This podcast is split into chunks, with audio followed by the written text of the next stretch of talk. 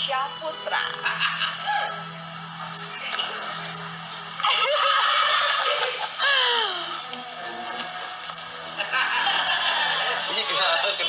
gimana? Apa ya aku nggak bisa mengucapkan kata lagi sih. Terbaik lah. Wow. Terbaik lah luar biasa ya. Habis diajar jebret jebret jebret ternyata alhamdulillah yeah.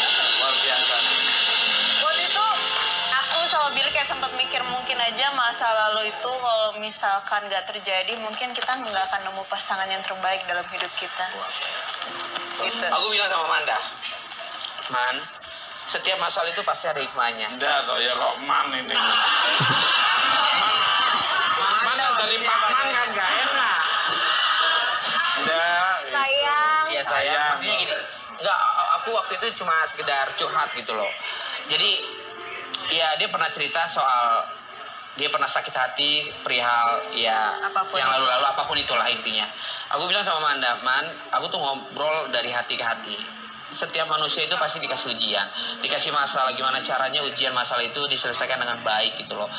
Dan ketika ada masalah kamu sama yang lalu-lalu, itu pasti ada hikmahnya. Nah, hikmahnya adalah ketemu